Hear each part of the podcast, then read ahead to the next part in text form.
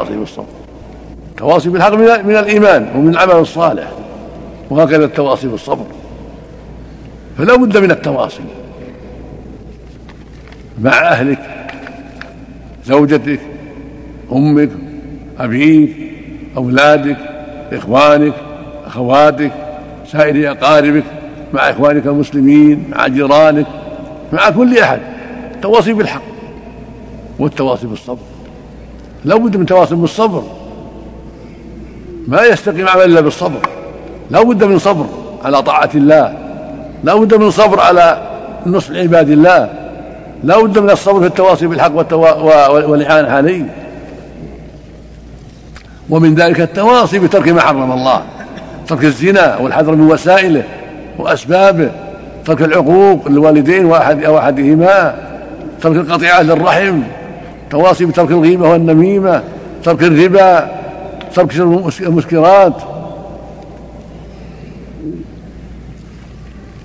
ولا بد من التواصي أيضا بالاستقامة على الصلاة والمحافظة عليها في أوقاتها مع الجماعة مع إخوانك في بيوت الله. التواصي بالزكاة وأدائها كما أمر الله. التواصي بصيام رمضان وأدائه والتحفظ فيه كما أمر الله. تواصي بحج البيت حج الفريضة مع الاستطاعة. تواصي بعدم الغش في المعاملة عدم الكذب في المعاملة. تواصي بالامر بالمعروف والنهي عن المنكر. تواصي بالدعوة إلى الله بالنصيحة للمسلمين كل هذا داخل في قوله عز وجل الا الذين امنوا وعملوا الصالحات وتواصوا بالحق وتواصوا بالصبر. وداخل في قوله تعالى وتعاونوا على البر والتقوى. وداخل في قوله والمؤمنون والمؤمنات بعضهم أولياء بعض. يامر بالمعروف وينهون عن المنكر. ومن ذلك ما هو محل اليوم. ما هو محل محل بحث اليوم جريمة الزنا. أسبابها كثيرة. ولا سيما في هذا العصر. من تبرج الكثير من النساء. موجود الصور العاريه وشبه العاريه في المجلات والصحف وغير ذلك. في سماع ما يسمع الناس من الإذاعات وما قد يقع في التلفزة وفي غير ذلك. لا بد من الحذر. الجريمة إذا كثرت أسبابها وجب الحذر وأيضا غاية الحذر. وجب أن يحذر المؤمن والمؤمنة من تلك الأسباب الضارة. كل ما عظمت الدواعي للذنب وجب أن يكون الحذر أكثر. حتى لا يقع فيه حتى لا يأخذه عدوه الشيطان حتى لا يفترسه.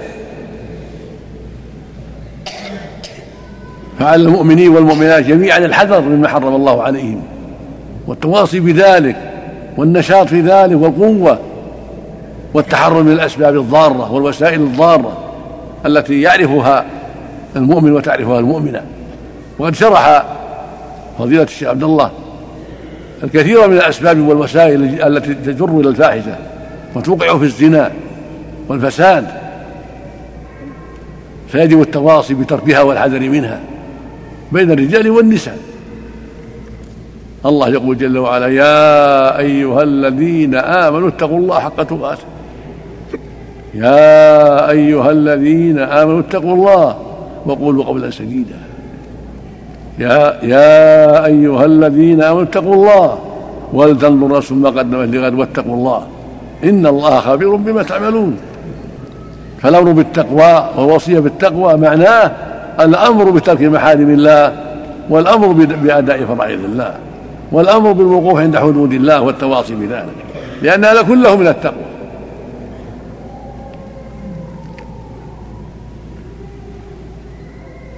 وكلما كثرة المعاصي وأسبابها وجب أن يكون النشاط من المؤمنين أكثر وأعظم لمحاربة البلاء ومكافحته بكل وسيلة وبكل طريق مع الحكمة والرفق والأسلوب الحسن والتبسط في الأمور حتى لا يقع في منكر وهو يريد إنكار المنكر وحتى لا يرمي بريئا بسبب عجلته.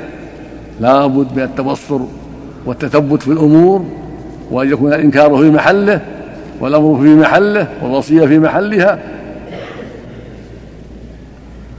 ومن التعاون على البر والتقوى إذا رأى المسلمون ما ينكر رفعوه إلى ولاة الأمور إلى أمير البلد إلى محكمة البلد إلى مركز الهيئة إلى سمو وزير الداخلية إلى نائبه. لا لا يسكتون.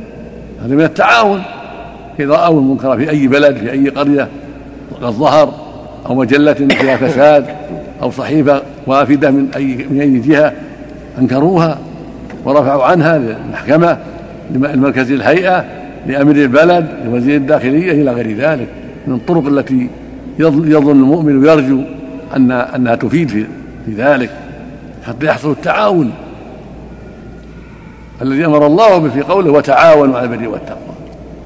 ويحصل التناصح ويحصل التواصي بالحق. أما السكوت والإعراض وكل واحد يقول هذا إلى غيري هذا هذا هو الفساد.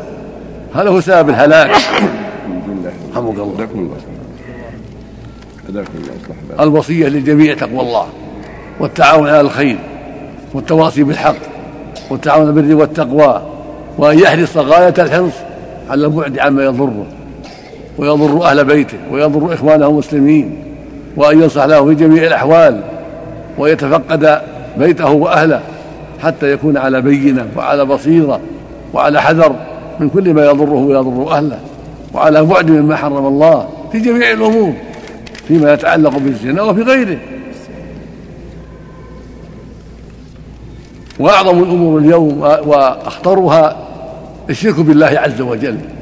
ولهذا أخطر الأمور في كل وقت وفي كل مكان وبسبب اختلاط الناس اليوم وكثرة وجود اختلاط وكثرة وجود الكفره ووجود من لا يستقي في دينه يجب الحذر ويكون المؤمن على بصيرة في دينه وفي إخلاصه لله وفي توحيده لله وفي تحذيره الناس مما يضرهم من العقائد الفاسدة. ومن أعظم الخطر السفر إلى بلاد المشركين. والتساهل في ذلك فانه فإن ضرره عظيم وخطره كبير. إلا إذا كان من أهل العلم والبصيرة والدعوة إلى الله عز وجل. وهكذا أمر الصلاة عمود الإسلام. كثير من الناس يتخلف عنها ويتساهل. ومن حافظ عليها حفظ دينه. من حافظ عليها حفظ دينه.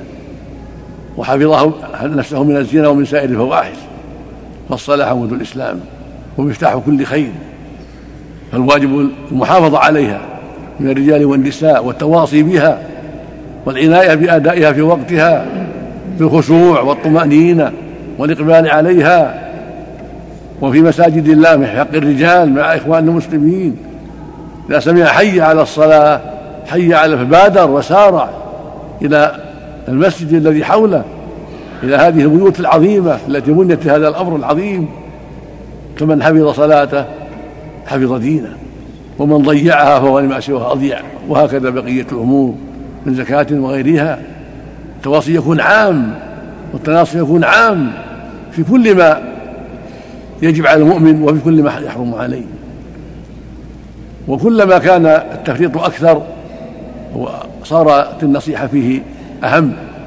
كل أمر يكون فيه التفريط. أو يظهر بين الناس من المنكرات يجب أن يكون الاهتمام به أكثر. حتى يزول ذلك المنكر وحتى يحل محله الخير والهدى والصلاح.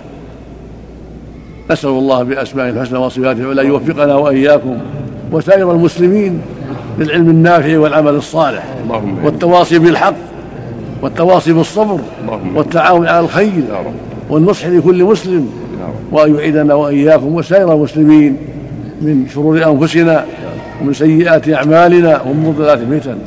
كما نسأله سبحانه يوفق ولاة الأمر لكل خير وأن يعينهم على كل خير وأن يصلح لهم البطانة وأن يوفقهم لكل ما فيه صلاح العباد والبلاد وأن يوفق جميع ولاة أمر المسلمين لما فيه رضاه وأن يعينهم على أداء حقه. إنه سميع قريب. وأسأل الله يوفق فضيلة الشيخ عبد الله لكل خير وأن يجزيه عن كلمته وندوته ومحاضراته خيرا.